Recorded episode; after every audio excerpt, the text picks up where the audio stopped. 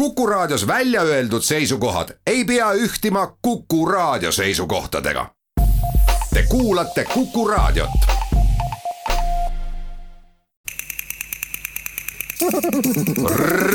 reisirada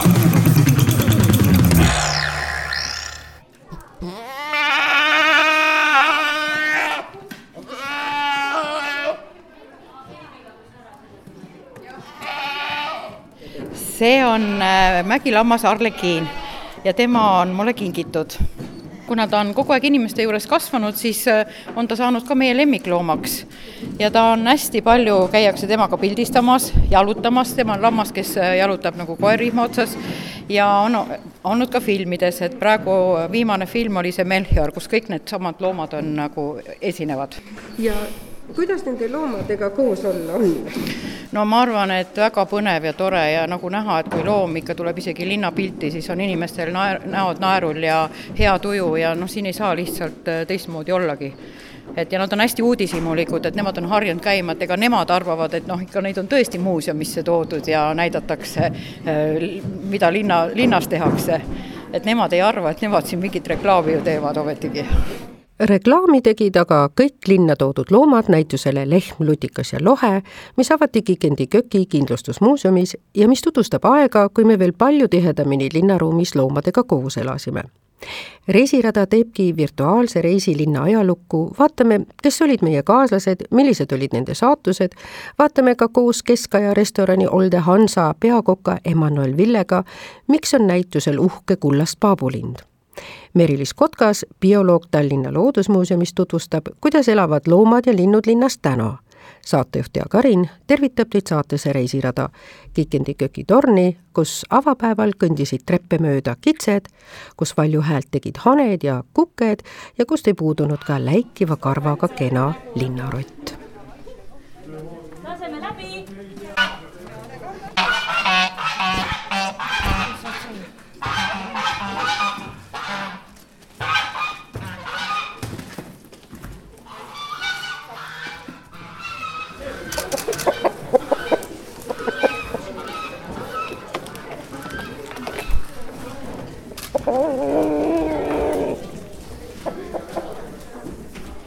meie jätkame vestlust Rannarancho perenaisega, selle looja ja farmiloomade turvakodu esindaja Ande Arulaga no meil on veel lisaks äh, sellele seltskonda veel, seltskonnale veel suured pullid, hobused, kõik saavad omavahel läbi, eks sa pead natukene muidugi tundma loomi ja vaatama, et kes kellega sobib, et kui on kuri loom, siis paneme ta kokku hea loomaga, mingil hetkel ta saabki aru, et äh, inimene polegi paha, ei peagi kuri olema, et me murrame müüti, et ani hammustab ja kits puksib ja hobune lööb ja pull pusib surnuks üks küsimus veel, et kuna äh, näituse, näituse teema on ju, eks mm, -hmm. et äh, kuidas äh, needsamad loomad kunagi elasid ka linnas, kas tänapäeval võiks ka loomi rohkem linnas olla?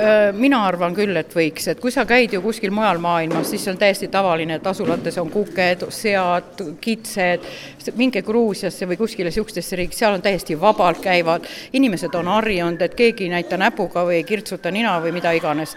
et loom on maast madalast inimesega koos olnud ja peaks ka tulevikus olema, aga ma arvan, et on niisugune aeg tulemas, et kus inimesed hakkavad oma juuri otsima, tahavad maad ja tahavad looma.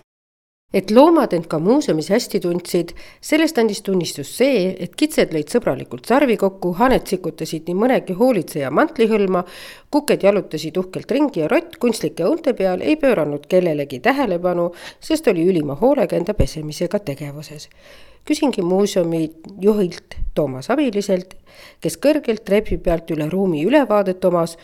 mis tunne siis nüüd on, kui näitus on avatud? no me õnnistame tegelikult äh, loomanäitust sisse praegu ja, ja need äh, toredad äh, haned ja, ja kitsed ja kõik on väga omas elemendis. et see on nende keskkond ja meie inimestena siis rõõmustame nendega koos. Aga kas sina tahaksid, et linnaruumis oleks neid ka rohkem näha? Nad toovad linnaruumi kindlasti elu, toovad äh, helitausta, lõhnasid, kõike seda, seda on alati olnud muuseas linna, linnades, see on alles viimased sada aastat, kui selle asemel tuli bensiinilõhna, ennem olid siin hoopis teistmoodi lõhnad, et äh, just need, mis siin praegu niimoodi hõljuvad. Nii et oleks tore küll, aga seda ajalooratast ei saa väga tagasi keerata, väga raske on keerata tagasi. aga võiks natuke rohkem olla küll.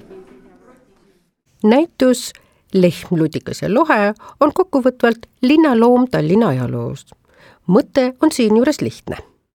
Tallinnas on alati igas linnas on alati, eriti linna, linnade algusaegadest peale on elanud siis inimesed koos lindude, loomade, putukate ja kõigiga, et see on üks süsteem, üks kooslus, kõik on olnud omavahel seotud toitumisahela, ahela kaudu ja, ja aga see on nüüd muutunud, ütleme tõesti viimase saja aasta jooksul eh, kõige rohkem.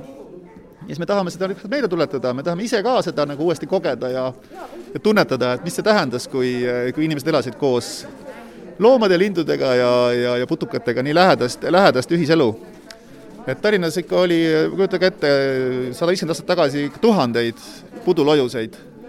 ja, ja mis see, mis see endast siis äh, kujutas, seda me saame siin ette kujutada siin näitusel. kas õige on öelda, et praegu on siis alles jäänud veel nagu need lutikad ja satikad ja need on kindlasti jaa, et prussakad, äh, siis äh, lutikaid, kirpe, täisid ikka kohtab. ütleme nii, et kanu ja kukkesid äh, ka on eeslinnades ja isegi sigu, ma arvan, ja on ka dekoratiivsead ju, me teame. nii et äh, kitsed ka on veel väga nunnusid, väikeseid kitsesid, mida peetakse lemmik, lemmikloomadena.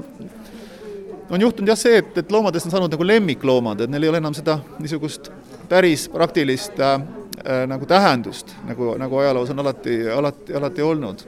et see on see protsess. aga samas äh, metsloomi tuleb Tallinnasse järjest juurde. et, äh, et äh, meil on tõesti väga liigirikas linn, üks Euroopa kõige liigirikkamaid äh, pealinnu tegelikult võib niimoodi öelda, siin on kokku kuskil tuhat kakssada erinevat, erinevat liiki putukaid, siis linde ja loomi. nii et nii et ja järjest tuleb liike, liike juurde, et kährikud, rebased on tavalised, tavalised juba, linn, linnuliike lisandub, lisandub järjest iga aasta, keda esimest korda siin nagu täheldatakse ja kohat-, kohatakse. igasuguseid võõrliike tasapisi tuleb.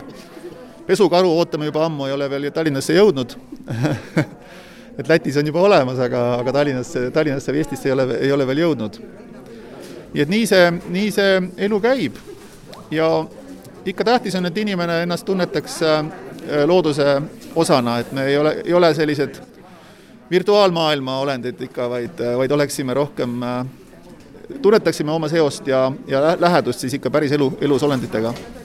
Johanna Rahula, näituse projektijuht, rääkis Postimees TV-s ka sellest, kuidas loomad kaugetelt maadelt Tallinnasse jõudsid aga tegelikult eh, tol ajal ei olnud ka ju loomaaeda. Eh, ja aga, aga ikkagi eksootiliste loomadega sai tutvuda. kuidas see siis käis?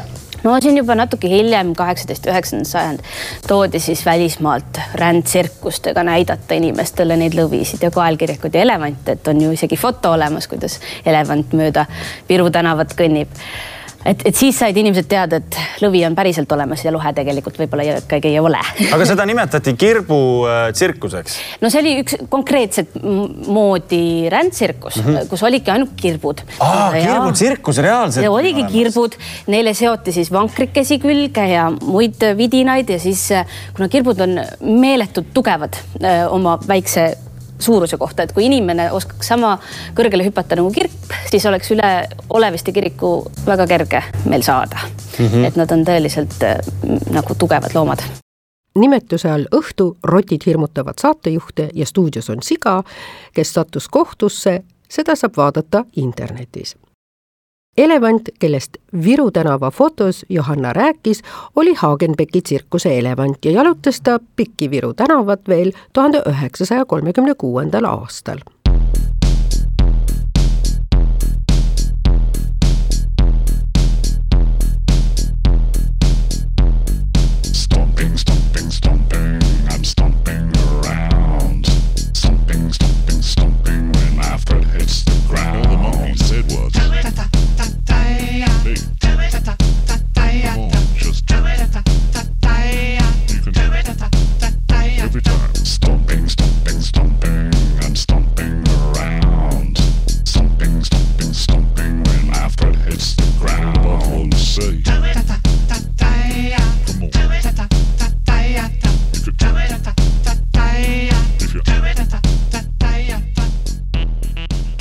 aastal tuhat kaheksasada seitsekümmend üheksa, üheteistkümnendal aprillil võis lugeda lehest sellist ettekuulutust Revalše Zeitungis. austatud Tallinna ja selle ümbruse härrasrahvale, esimene teadaanne, et olen oma suure loomaaiaga saabunud. see sinane sisaldab kõige ilusamaid seni nähtud lõvisid, viis eksemplari erinevatest liikidest, kaks India ja abessiini elevanti, kuningtiiger, jaaguar, leopardid, laigulised, triibulised ja hüäänid, karud ja hundid erinevatelt maadelt, antiloobid, zebra, jaanalind, alligaatorid, krokodillid ja erinevat sorti kilpkonnad. loomaaed sisaldab üle saja eksemplari. kutsun eriti silmas pidades vanemaid oma lastega kellega ma tahaksin pakkuda õpetlikku meelelahutust. ühele inimesele on sissepääs kakskümmend kopikat, lastele pool. Kaks aastat varem oli sensatsioon veelgi suurem. tuhat kaheksasada seitsekümmend kuus, kolmekümne esimene mai ja leht kuulutas nii. siinmail pole veel kunagi nähtud Vene turul Ameerika loomaaed, suur maailma loomade ime mis koosneb mitmesugustest dresseeritud Ameerika ja Aafrika rottidest ning valgetest hiirtest, arssina pikkuste kõrvadega Ameerika jänesed, kolmesaja-aastane krokodill, kahe pea, kahe saba ja nelja silmaga vasikas Egiptusest, albiinohiired, orangutang ja mitmesugused eriti haruldased loomad, sealhulgas merineitsi, pooleldi kala, pooleldi inimene. Sellega koos näeb panoraami koos maailma kõige ilusamate linnavaadetega, mis pidevalt vahetuvad tuhande kaheksasaja seitsmekümne seitsmenda aasta loomatransport tõstis esile kuusteist jala pikkust hiigelmadu ning õnnelikku perekonda, mis koosneb järgmistest eksemplaridest. isalõvi Juma, hüään Fidel, tribulised hüäänid Sara ja Cesar, Ameerika karu Pets ja Bernardin Pinko, kes kõik sõbralikult ühes puuris elavad. eriti uhke oli aga kaelkirjak koos oma pojaga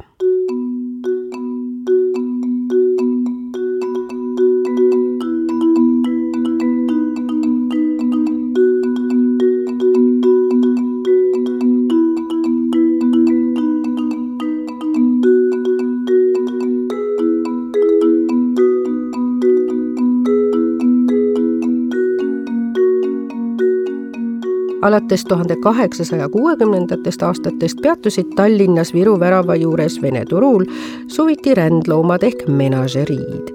näiteks tuhande kaheksasaja kuuekümne viienda aasta suvel lahutas seal meeli Hamburgi trupp, krokodillid ja armadillid ehk vöölased, okassiga karu ja kakskümmend ahvi. Eksootikale rõhuvad ajalehereklaamid kutsusid vaatama nelja silmaga vasikat Egiptusest ja hiigelmadu, kelle kaisutusis mõnigi hinge heitnud peab märkima, et kahe tuhande kahekümnendal aastal keelustas Eesti loomade kasutamise tsirkuses. seega pöördume meiegi hoopis söögilaua poole, kuigi ka siin on taimetoidu trend märgatav, siis Kikendi köögis on toidulaud veel teistsugune. Veganlus, ma arvan, et see on küll tulevikutrend, ega see midagi ei ole teha, ma usun, et tulevik on ka sellise kunstliku toidu, toidu päralt. Need on need suunad, kindlasti putukad muutuvad väga oluliseks noh, meie toid, toidulaual, nii et, et kõik maailm muutub.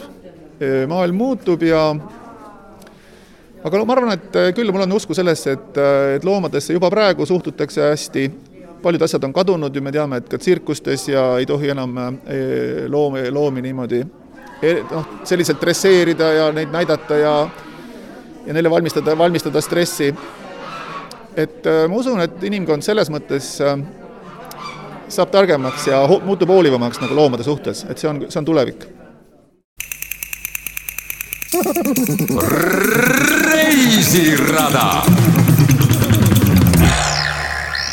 Kigendi köögis on välja pandud kaks teineteisest väga suurelt erinevat varianti, mis mõlemad aga on seotud Tallinnaga. ruumiloojateks on Nukufilmi meeskond, kelle käte all on valminud ka mitmed loomamulaažid topised on jõudnud näitusele Loodusmuuseumi kogudest. näituse kunstnik on Ivika Luisk ja graafiline disainer Ivar Reimann seapea, eks ole, mis seal on see praad, eks ju, see on nagu talupoja laual, siin eespool on talupoja laud, taga on siis rikaste härrasrahva, kes siis sõid kullatud siis seda paabulindu ühe, ühe mingi ajaloolise fakti järgi. ja, ja seal saab siis, saad laua alla minna, seal on silt ka, kus on seal öeldud, mis sa tegema pead, lähed laua alla ja siis teine tõstab selle seapea ülesse ja saad oma pead siis nagu sinu pea on prae sees. Et selline. õuna saab ka suhu panna? õuna ei saa suhu panna. õuna pead ise kaasa võtma siis sel juhul jah aga noh, selline atraktsioon seal on, et sa saad selle seapea üles võtta ja siis enda pea asemele pista kui talupojad sõid seakooti ja seapead, siis rikkad kaupmehed sõid veidi teistmoodi ja viikingite söögilaud oli üldse paradiislik. no loomadel on olnud ju kogu aeg põhikoht ka siis äh, tallinlase söögilaual. Me elame siin külmal äh, maal ja, ja rõskes kliimas, nii et vajame sellist energiarikast toitu. ja, ja eks äh, keskse tähtsusega on olnud ikkagi äh, siga, kui siis tõesti selline põline kohalik loom taludes ja, ja linnas ka muidugi sealiha söödi, eriti lihtrahva hulgas. aga see sõltus alati seisusest ka, milline su toidulaud oli. Ja sõltus ka sellest kalendrist, et, äh, et kui oli paastuaeg, siis olid ju, me teame, et lihatoidud olid ka ära, ära jäetud, eriti katolik, katoliku aegadel. Ja kui olid siis tähtsad külalised, näiteks äh, ordumeister oli Tallinnas visiidil, siis eriliselt panustati siis selle laua pidulikkusesse, söömaajad olid pikad ja põhjalikud, need olid nagu vaatemängud, tseremooniad, meil on siin äh, ka üks kullatud äh, paabulind laual, mis vastab ka tõele, tuhat viissada kolmteist on teada, et siis, kui ordumeister külastas Tallinnat, siis Rae hoones siis kaeti pidulaud ja seal oli siis ka kullatud paabulind laua nagu ehteks. nii et, et tõesti selline ilu ja, ja, ja suursugusus pidi olema siis ka laual, kui olid, olid suursugused külalised aga selline viis, kuidas siga on siin serveeritud, seda on ju ikka veel jaa, ei no siga on meil ikka tähtis, äh, tähtis tegelane, seapea on meil siin jah, serveeritud õun on tal kenasti suus. et äh, muidugi, siga pole kuhugi kadunud äh, meie, meie toidulaualt. ja, ja siga on üldse üks mehe näituse peategelasi ka, sest et sea tähendus on ka muutunud ajas, ütleme nii, et kristluse eelsetel aegadel oli siga selline kultuse loom. Et äh, ja, ja on ta olnud ka päikese sümbol ja niisugune no näiteks äh, viikingite uskumustes siis Valhallas oli siis äh, nii, et pidulaual oli ikka sealiha. Ja sealiha võis siis süüa nii palju, kui jaksasid ja hommikul oli siis need sead jälle terved kenasti, kes siis olid, keda oli vahepeal ära söödud. Et see on selline viikingite paradiis kus sealiha on piiramatus koguses, et siis see pidi tähtis olema. ja eks Eesti, Eesti talupoegadel ka, me teame, et äh, püha Antonius oli püha, püha tõn-, Tõnis või, või niimoodi, kuidas eestlased teda kutsusid, oli üks eestlaste armastatumaid pühakuid, sest ta oli just äh,, hoolitses äh, nagu seakasvatuse eest ja, ja sigade järelkasvu eest ja ja need äh, püha Antoniuse äh, kabeleid on teada, et Eestis on olnud päris arvukalt, kuhu siis ohvrid viidi ja mille eest siis hoolitseti ja nii et seal on olnud tähtis roll, siinsamas Tõnismäel oli ka ju Püha Antoniuse kabel ja arvatavasti seal peeti ka sigu, et seal olid tammemetsad ja ja, ja sead olid seal siis endale toitu, toitu otsimas. kus veel saab ettekujutuse keskaegsetest toidulaudadest ja tollastest retseptidest, kui mitte Olde-Hansa restoranis mille peakokaks on Emmanuel Ville, kes ütleb, et kogu aeg on tal olnud nii palju tööd, et polegi enne kikendikööki jõudnud. aga kuna teema läheb tema tööga kokku, siis kõigepealt vaatamegi vorste ja suitsuliha. hästi illustreeritud muidugi, because jah, ise, ise ma tegin ka vorstid valmis ja erinevat kuivatatud liha ja marineeritud või ja siis küpsetame, aga ta on päris ilus illustreeritud no meil on äh, Oldes, äh, teeme muidugi metsloomalihavustid, mis on kolm, kolm või neli, ütleme, tavaline sealiha, metssigaliha, karu natuke sees, kararasva paneme sisse ja puder. ja siis äh, hästi küpsetatud. milline oli keskajal siis, kui need loomad linnas elasid, milline oli siis äh, talupojaköök tollal? Või linnainimese köök? no mina lugesin muidugi, liha läks nagu rikastele, aga ma saan aru, vaillased, kes on natuke vähem, söövad rohkem, mis jääki tuli, esimene asi, pluss läks nagu mere poole või söövad kala ja austrit ja krevet, mis olid kättesaadavad siin, rohkem äh, vee, vee, veeloomad, ütleme. ja kuidas sina suhtud nendesse verivorstidesse? Verivorst, nagu ta Eestis teevad ju, ei ole minu lemmikud. no see kruup segab mind natuke, Belgias või Prantsusmaa teeme ilma kruup, seal on õunad, seal on sibul. aga see on delikatess toode, ta on hästi kallis muidugi Prantsusmaa. Eestis, ei, mulle maitseb küll jah, me, me teeme ka valmis oldegas, aga rohkem nagu ürdidega, kaneel ja seal on natuke ingver sees. ta on natuke rohkem nagu, nagu, nagu keskaeg moodi muidugi. mis oli siis tollal tüüpiline keskajale? No muidugi me räägime jälle seda kaupmehe söögit muidugi. seal nagu kindlasti oli liha, metsloomalihad, siis oli veis ja kala me räägime, rohkem punane kala kasutasime, kasutame. aga muidugi ka, kui me läheme natuke veel edasi, teise, teise pool siin, meil on ka illusioon road, mis me tegime mitu korda valmis ja siis lähmegi selle kõige illusoorsema ja rikkalikuma juurde siin ja selleks on Paabulinn. see on Paabulinn jaa, ma saan aru, see on nagu illusioonroog, Paabulinn oli uhke. Ja muidugi tänase päeva Paabulinn on keelatud süüa muidugi, aga siis ma mäletan, ma tegin ükskord valmis paar aastat tagasi ka üks Paabulinn, aga mitte nagu ehtne Paabulinn, nagu pitofooria. ja siis nagu illusioonroog, ta näeb välja nagu Paabulinn, koos kõik, ma arvan, ka natuke kuldsed ja täitsime nagu see pardimaksapasteed panime sisse. siis läks saalis, siis lõikasime lahti, see pardimaksapasteed serveerisime ta. selline illusioon rook tegime, jah. kui pidupäeva ei olnud, siis milline oli kaupmehe söögilaud? no kaupmehe söögilaud, noh, ma, mina saan aru, on alati pidupäev kaupmehe söögilaud, because noh, ta tohib alati näitada ja kasutada oma maitseainet. no kindlasti oli seal liha, liha ja marineeritud juurviled, ütleme. noh, alati rikustatud, nagu kurk rikutakse safraniga ja nii edasi. ja ka vein oli alati lauas, kindlasti vein või õlu. ma arvan, rohkem kui nagu pidu ei olnud, oli rohkem õlu, ma arvan. kas õlu, ma saan aru, joovad seda viis liitrit päevaks. kas õlu oli see põhiasi, mis saab juua, kas vesi, noh, oli mingi väga tervislikud muidugi no illusioon roog oli üks väga tähtis keskaeg muidugi, kas seal oli see hästi usklikud muidugi. sul on see baas, kes ei tohi liha süüa, siis pakatakse kala või ei tohi kala süüa, pakatakse liha. so vahest näeb kala välja, aga ta on liha sees. vahest näeb liha välja nagu terve loom ja ta on valmistatud kalast. vahest teevad ka, nagu ma nägin seal üleval kolmas korrus siin või neljas, päris kõrge siin oli see draakonid seal. ja draakon keskaeg tehti ka illusioon rock nagu draakon. keskel oli võib-olla siga ja siis pea oli kana, pea ja saba oli ta kala. ja niimoodi serveeritakse ka sellise huvit- ja seda ma tegin oldes ka valmis. aga noh, ma läksin natuke veel edasi ja siis ma tegin nagu vutimunad, mis äh, ei olnud seotud vutimunaga, see oli kalamaitseline siis tegime kaviar, mis on nagu magustoit juurde, siis tegin praemuna mis on nagu magustoit ja nii edasi ja nii edasi. Ja täidetud kana täidetud kala oli.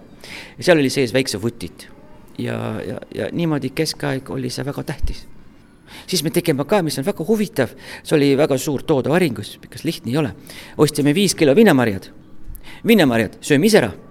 Ja mis järg oli, nagu mis see nimetatakse, see, see oksed, jah, ja siis tegime pašteed pasteed tegime pallikeseks, siis paneme punane želee ümber iga pallike paneme okse peale. ja siis tegime uue äh, viinamarjad, mis on valmistatud maksapasteeti, niimoodi serveerisime. siis meil on veel tehtud kaviar, mis on äh, magustatud juurde, siis meil on praetud muna, aga see valge osa oli valmistatud nagu prantsuse köök blanc manger, mis see tähendab äh, mandelipuding.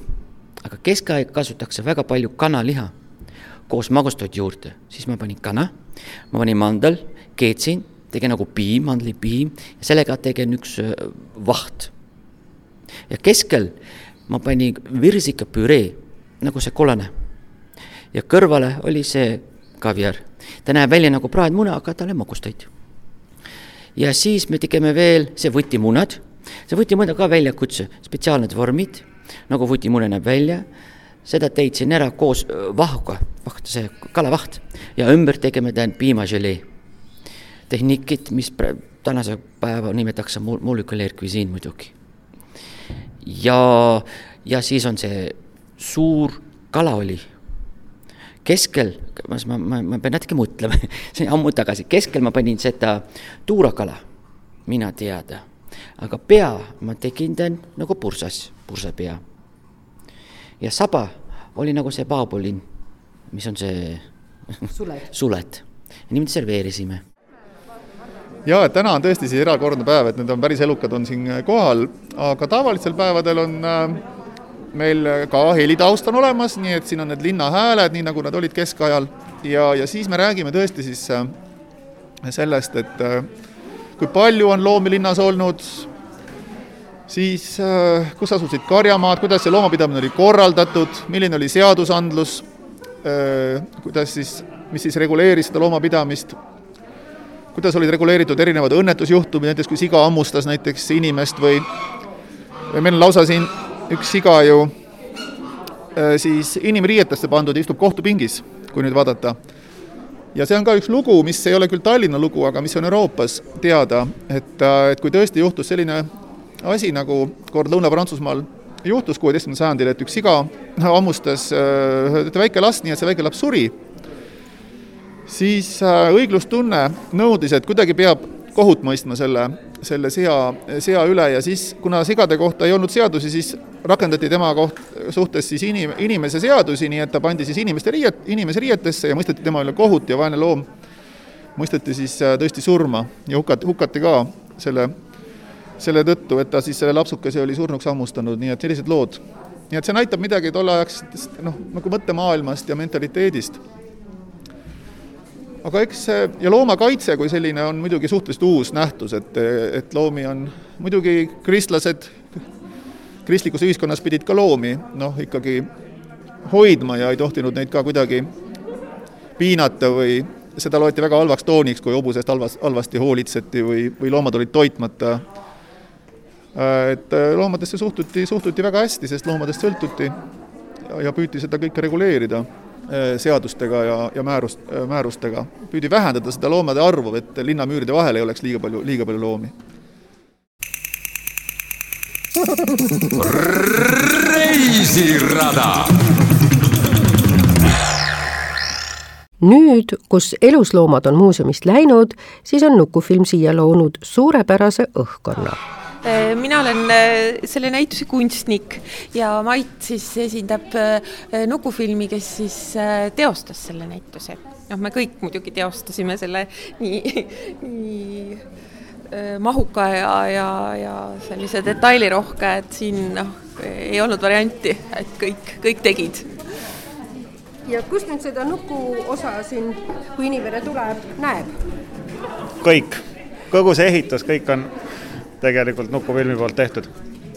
et ka need äh, kajakad, kes siin lendavad? Äh, see on topis, aga samas need, mis on vineerist ja kõik see on ka. et kõik, mis on Äh, eksponaadid, kõik, mis on butafooria, on äh, Nukufilmi poolt tehtud. ja siia sisse ka ehitatud, kõik see laud, kõik see et lehmad, noh, seal on, mis on topised, ei ole meie omad. aga muus osas kõik. Kas see kuldne pabulind on ka teie oma? jaa, ikka.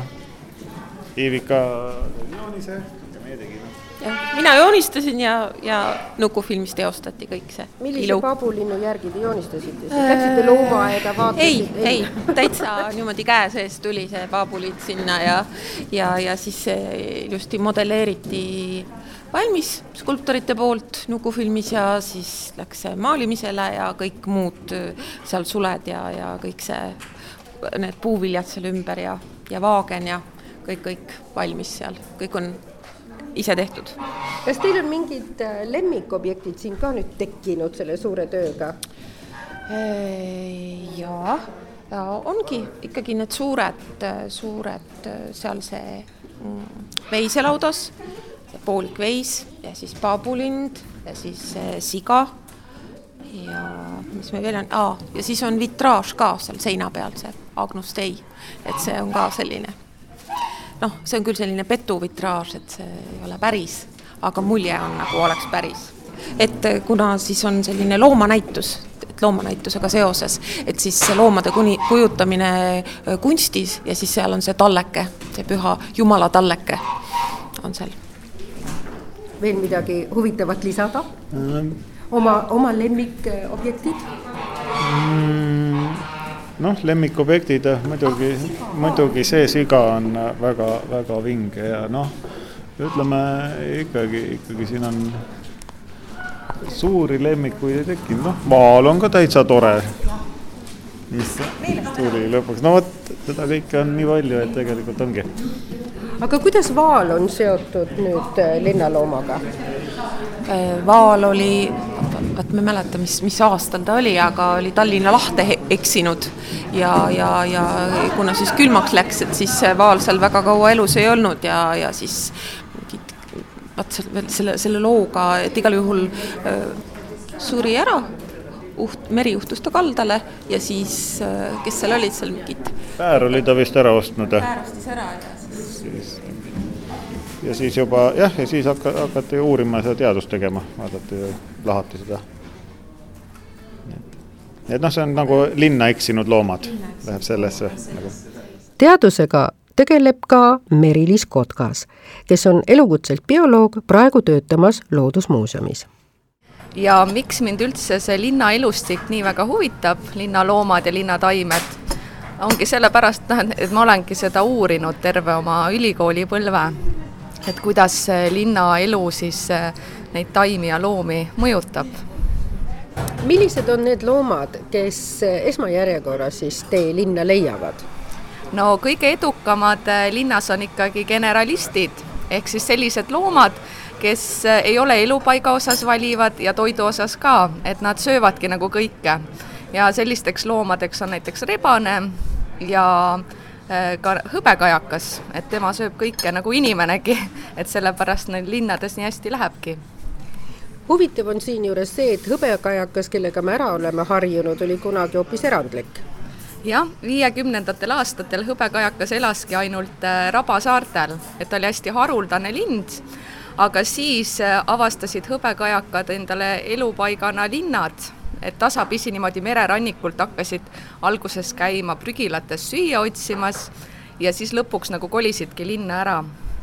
ja siin on tõesti neil nagu paradiis, et toitu on nagu külluses ja nüüd neid hõbekajakaid on nagu tohutult palju ja kui me nüüd vaatame nagu linnapilti hõbekajaka silme läbi, siis äh, katused, kus ta pesitseb, et ongi tema jaoks nagu väikesed saarekesed peale kajaka on loomulikult ka veel teisi linde. kuidas nemad oma ilusa lauluhäälega siin hakkama saavad? no neil tuleb kõvasti vaeva näha, et sellest liiklusmürast üle kosta. et tegelikult teadlased on seda juba pikalt uurinud, et äh, näiteks äh, mustrastad ja rasvatihased peavadki kõvemini laulma, et äh, sellest liiklusmürast üle kosta. Ja üldsegi Inglismaal näiteks punarinnad äh, laulavadki öösiti, sest neil on nagu nii õrn see lauluhääl, öeldakse, et nagu klaaspärlid kukuks kuskile maha, et nende hääl ei kosta lihtsalt üle et nad ongi niimoodi kohanenud. ja rasvatihastel on ka märgatud seda, et nende äh, laul on nagu palju lihtsam linnas, et nad jätavadki nagu noote vahele, et kui äh, kunagi laulsid siis äh, rasvatihased või noh, siiamaani maal laulavad sitsikleit, sitsikleit, siis tasapisi on nad hakanud nagu lühendama siin linnas seda laulu, et mõnes kohas laulavad juba siidikleit, siidikleit ja, ja Tallinnas ka näiteks minikleit, minikleit. Üks tuntumateks linnalindudeks on meil ju nüüd varblane tuvi kõrval jah, täpselt, et ta on ka mujal maailmas väga tuntud, et teda võib leida kaheksakümnes protsendis üldse maailma linnades. ja lisaks sellele, tema ongi nagu üks selline liik, kes on nagu imehästi inimesega kohanenud, et põhimõtteliselt Eestis nagu vabas looduses niimoodi kuskilt linnadest eemal enam varblasi ei leiagi. et nad on nii nagu kohanenud inimesega koos elama ja nad saidki nagu suurteks sõpradeks meiega nagu selle läbi, et äh, hobusetransport hakkas äh, pihta ja, ja siis ikka neid seemneid seal pudenes ja sõnniku seest nad leidsid neid seemneid. aga praegu jah, nende olukord on natuke nagu halvenemas, sest äh, noh, me teeme, on ju maju korda ja, ja niimoodi neil kaovad need pesitsuskohad. et tänapäeva uutes majades ei ole enam selliseid lahtiseid ventilatsiooniavasid, et kõik on nagu niimoodi kinni, hermeetiline. et äh, jah, nende arvukus on nagu alla läinud lindude üheks toiduks on aga ka putukad, kellega ka meie erineval viisil koos elame jah, täpselt, et kõige rohkem me võib-olla puutume kokku nende kodus elavate putukatega. Äh, näiteks on ju äh, ämblikega, koduämblik ja tegelikult neid ei tasu niimoodi karta, et nad on meile väga kasulikud, et nad vaikselt elavad seal kuskil nurgakeses ja nad siis äh, noh, püüavad kahjureid, sääski ja äädikakärbseid ja kodukärbseid ka võib-olla. et tegelikult me saame ju väga mõnusasti ka koos elada, oleme üksteisele nagu kasulikud ja nüüd tulevad linna meile ka närilised. Jah, neid ongi arvukuse poolest, ma arvan, imetajatest kõige rohkem siin eh, linnas ja ongi uuritud, et tegelikult eh, viiskümmend protsenti on rohkem nende rottide ja hiirte arvukus linnades kui kuskil maal. et siin on niivõrd palju toitu, nii palju elupaiku, kuhu nad noh, saavad kõik ära peituda. ja tegelikult rott ongi ju selle aasta loom et meil on kaks erinevat liiki, on äh, kodurott ja rändrott ja see rändrott on selline palju agressiivsem ja nagu elujõulisem, et ta vaikselt nagu sööb seda kodurotti välja. ja noh, kui, kes rotti tahab näha, siis mingu vanalinna tänavatele, et äh, õhtusel ajal, isegi päeval nad jooksevad seal ringi. Et meil seal Loodusmuuseumi hoovis elas ka üks äh, roti perekond nad olid tõesti väga julged, et äh, päeval nagu käisid seal, jooksid ringi ja siis kogusid omale talvevarusid ühe laua alla, et seal oli niisugune seemnehunnik kodurott jõudis Eesti aladele siis arvatavasti kolmeteistkümnendal sajandil ja siis hiljem, kaheksateistkümnendal sajandil tuli see rändrott. ja noh, siiamaani elame koos, et me võib-olla ei olegi üldse teadlikud, et nad seal kuskil äh, meie jalge all kanalisatsioonis või kuskil põõsaste vahel ringi siblivad. põhjus selles, et rottidel on hea maitse ja lõhnameel, aga probleeme põhjustavad mõned teised loomad. Äh, Šveitsis äh, on ka üks huvitav lugu nende nugistega, et äh, nemad siis nimelt ronivad auto kapoti alla ja närivad seal juhtmeid, et need kohalikud elanikud on nagu täitsa hädas ja siis teadlased nagu hakkasid seda uurima, sest see probleem nagu oli väga tõsine seal üks hetk. ja, ja siis tuligi välja see, et, et need nugised on hästi territoriaalsed loomad ja vahepeal nad võib-olla läksid sinna kapoti alla sooja või lihtsalt uudistama ja siis märgistasid ära selle, selle koha. ja siis, kui see auto hommikul sõitis kuskile teise kohta linnas, siis ta jõudis arvatavasti kuskile teise nugise territooriumile ja siis see teine nugis äh, ka nagu tundis mingi võõra nugise lõhna, läks asja nagu uudistama ja, ja siis äh, sai väga vihaseks, kui ta tundis, et keegi on nagu tema koju nii-öelda sisse tunginud, tema elupaika ja hakkaski siis seal neid äh, juhtmeid närima. et teadlased nagu pakkusid välja sellise seletuse ja see tundubki täitsa nagu loogiline ja miks on hea, kui me ka edasi elame koos loomade, lindude ja putukatega? No ikka sellepärast, et meie oleme loodusest tulnud ja, ja kõik see meie heaolu ja vaimse tervise jaoks ka nagu ülioluline, et meil oleks nagu seda loodust siin linnas. Et teadlased on ju noh, eriti Soomes väga palju uurinud, et, et kui sa vaatad nagu seda rohelust ja loomi ja linde, et siis sul see stressihormooni tase nagu langeb ja tegelikult äh, meil linnavalitsus ka teeb äh, huvitavaid plaane, et tahetakse sinna Põhja-Tallinnasse teha selline putukaväil, ehk siis selline ala, kuhu istutatakse selliseid ilusaid suurte õitega lilli, et kohale siis meelitada erinevaid tolmendajaid, putukaid. ja noh, nagu me teame, siis tolmeldajate olukord maailmas ja Eestis on nagu selline kehvapoolne iga selline väike liigutus äh, on kindlasti nendele putukatele abiks ja putukad üldse eluringis on väga olulised, et nad on toiduahelas ju noh, tõesti suurel kohal ja mida vähem neid on, seda hullem meile. ja, ja, ja tegelikult igaüks meist endist saab ka teha midagi nende heaks. et näiteks, kui me istutame rõdule või aeda selliste suurte õitega taimi, eelistatavalt siis kohalikke, et siis just näiteks varakevadel, kui neil on vähe süüa, näiteks mesilastel ja kimalastel, et ja liblikatel, et siis nad nagu leiavad natukene abi meilt. ja saab ka teha putukahotelle, et äh, neile elupaikasid juurde luua, et see on siis selline väikene majakene, kus on pillirookõrred, mingid kivid, et äh, sellised noh, väikesed kohad, kuhu need putukad saavad omale pesa ehitada Kikendiköögi muuseumis on aga veel üks loom, mis on ka pealkirjas ja selleks on lohe. kuidas on nüüd lohedega tänapäeva linnaruumis? no lohe elab siiamaani meie fantaasiates aga tegelikult äh, meil Eestis ka võib leida sellist minidraakonit, minilohe, et see on äh, vesilik, et selline armas väikene sisaliku moodi roomaja ja tema elab vee all. Ja teda võib leida näiteks seal äh, Lasnamäel Tühermaal tiikides. et hästi-hästi huvitav loomakene ja, ja isane ongi siis, näeb välja nagu draakon, kui ta on pulmarüüs, et tal on selline nagu äh, kuidas ma nüüd ütlen et tal on selline nagu vahva nii nagu pukel, hari või? jah, tal on selline vahva hari nagu selja peal ja ta läheb ilusasti täpiliseks. Nii et nii ilus lohe elab siiamaani meie seas. ja, ja see ongi märk, et meie loodus on ikkagi noh, küllaltki hästi siin Eestis säilinud, eriti noh, Tallinnas ka, et meil on hästi liigirikas see linn, et ka roomajad ja kahepaiksed, kes on hästi tundlikud sellele keskkonnasaastele, saavad siin veel hakkama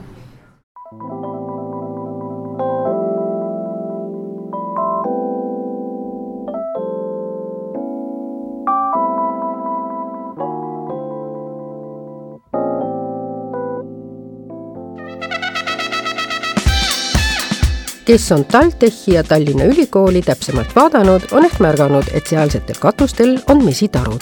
Tallinnas võime kohata tuhande sada üheksakümne ühte loomaliiki, kellest üle poole ongi putukad. Tallinnas elab veel kakssada nelikümmend kaheksa linnuliiki, kakssada kolmkümmend kaks nendest võib leida Paljassaarest. see on Tallinna linnurikkam ala, linnuvaatlejate meka. ning muidugi leiab ka nahkhiiri Tallinna nelikümne neljast imetajaliigist on veerand nahkhiired. nii nagu inimeselgi meelitavad linnad metsloomi uute võimaluste ja ressurssidega, ka nemad tulevad siia hea elu peale reisirada viis seekord näituse kaudu linnaloomadest Tallinna minevikku, sealse elu ja roogade keskele ning vaatas ka, milline on olnud areng, kui hobutrammid kadusid. kuidas nägid välja linnatänavad, kui siin olid veel sajad voorimehed? kes olid need tüütud närilised ja putukad, kes levitasid haigusi? miks Raekoja platsil kasse sisse müüriti? kuidas kirikus loomadele tähendust omistati? Need on lood, millega saab tutvuda Kikendiköki näitusel Lehm, ludikas ja lohe ja kirjutas need lastekirjanik ja loodusmees Juhani Pütsepp. saate tehnilise külje eest vastutas Veiko Rebane. tekste luges Ivo Kändla. hirmus ja armas nahkhiir ootab aga Loodusmuuseumis talle pühendatud näitusel, kus saab tutvuda nahkhiirte salapärase elu ja oluga. tule jaluta öises metsas teisipäevast pühapäevani kella kümnest kuueni ja jälgi järve ääres toituvat nahkhiirt, külasta mugavast toasoojusest talvist koobast ja lenda nahkhiirega suveöös. värske Eesti Looduse ajakirja numbris tutvustab Jaanus Elts parkides pesitsevaid linde. Tiit Piiskoppel ja Mati Masing selgitavad, miks meeldivad pargid ka nahkhiirtele. ajakirja tunnete ära kaanelinnu külmalind leevikese kaudu eksootilised loomad on meid läbi aegade vaimustanud, seega kuulamegi lõpetuseks laulu tuhande üheksasaja kuuekümne seitsmenda aasta joonisfilmist, mis valmis Richard Kiplingi Jungle Booki põhjal. uues kahe tuhande kuueteistkümnenda aastal valminud filmis tegid kaasa kuulsused nagu Ben Kingsley ja Bill Murray ja see oli kombinatsioon reaalfilmist ja arvuti animatsioonist. Kuulame Ahvi laulu kus ahvide kuningas laulab Tahan olla nagu sina, lootes Mauglilt saada kätte tule süütamise saladust.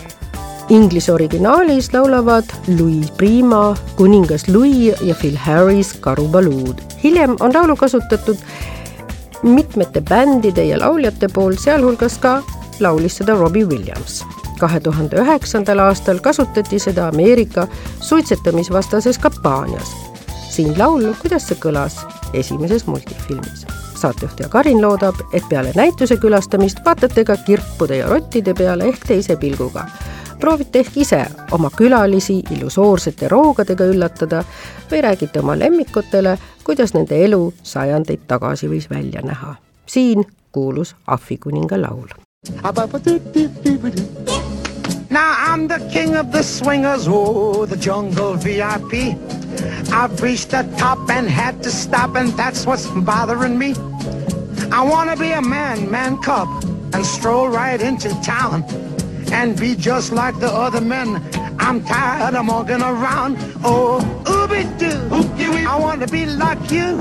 I want to walk like you. Talk like you. Choo. You see it's true. An ape like me Can't learn to be human too.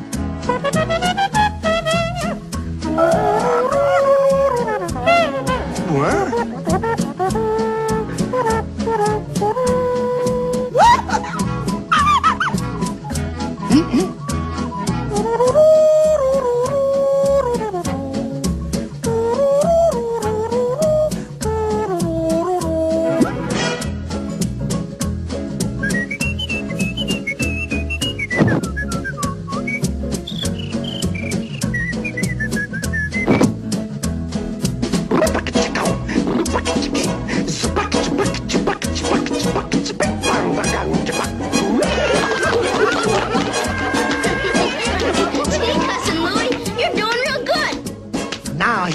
part of the deal, cuz. Laid a secret on me of man's red fire. But I don't know how to make fire. Now don't try to kid me, man cub. I made a deal with you. What I desire is man's red fire to make my dream come true. Now give me the secret, man cub. Come on, clue me what to do. Give me the power of man's red flower so I can be like you. Fire. I'll tear him limb from limb. I'll beat him out. I'll. Mm, yeah. Well, man, what a beat. Will you stop that silly beat business and listen? This will take brains, not brawn. You better believe it, and I'm loaded with both. Will you listen? Oh, yeah, yeah. Now, while you create a disturbance, I'll rescue Mowgli. Got that? I'm gone, man. Solid gone. Not yet, Baloo!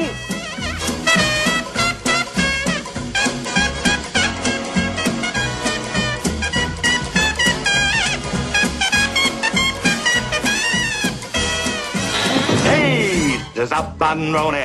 After deep la da da dan ron.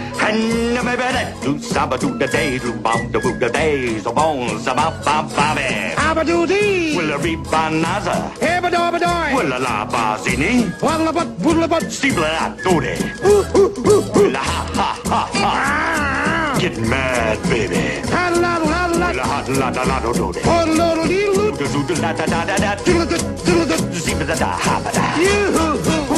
I wanna be like you. I wanna walk like you, talk like you, do. You see it's true. Someone like me can learn to be like someone like me. Take me home, daddy. Can learn to be like someone like you. One more time! Yeah, can learn to be like someone like me. Say da ba ba ba da doodle da da da da da. Ah. reisirada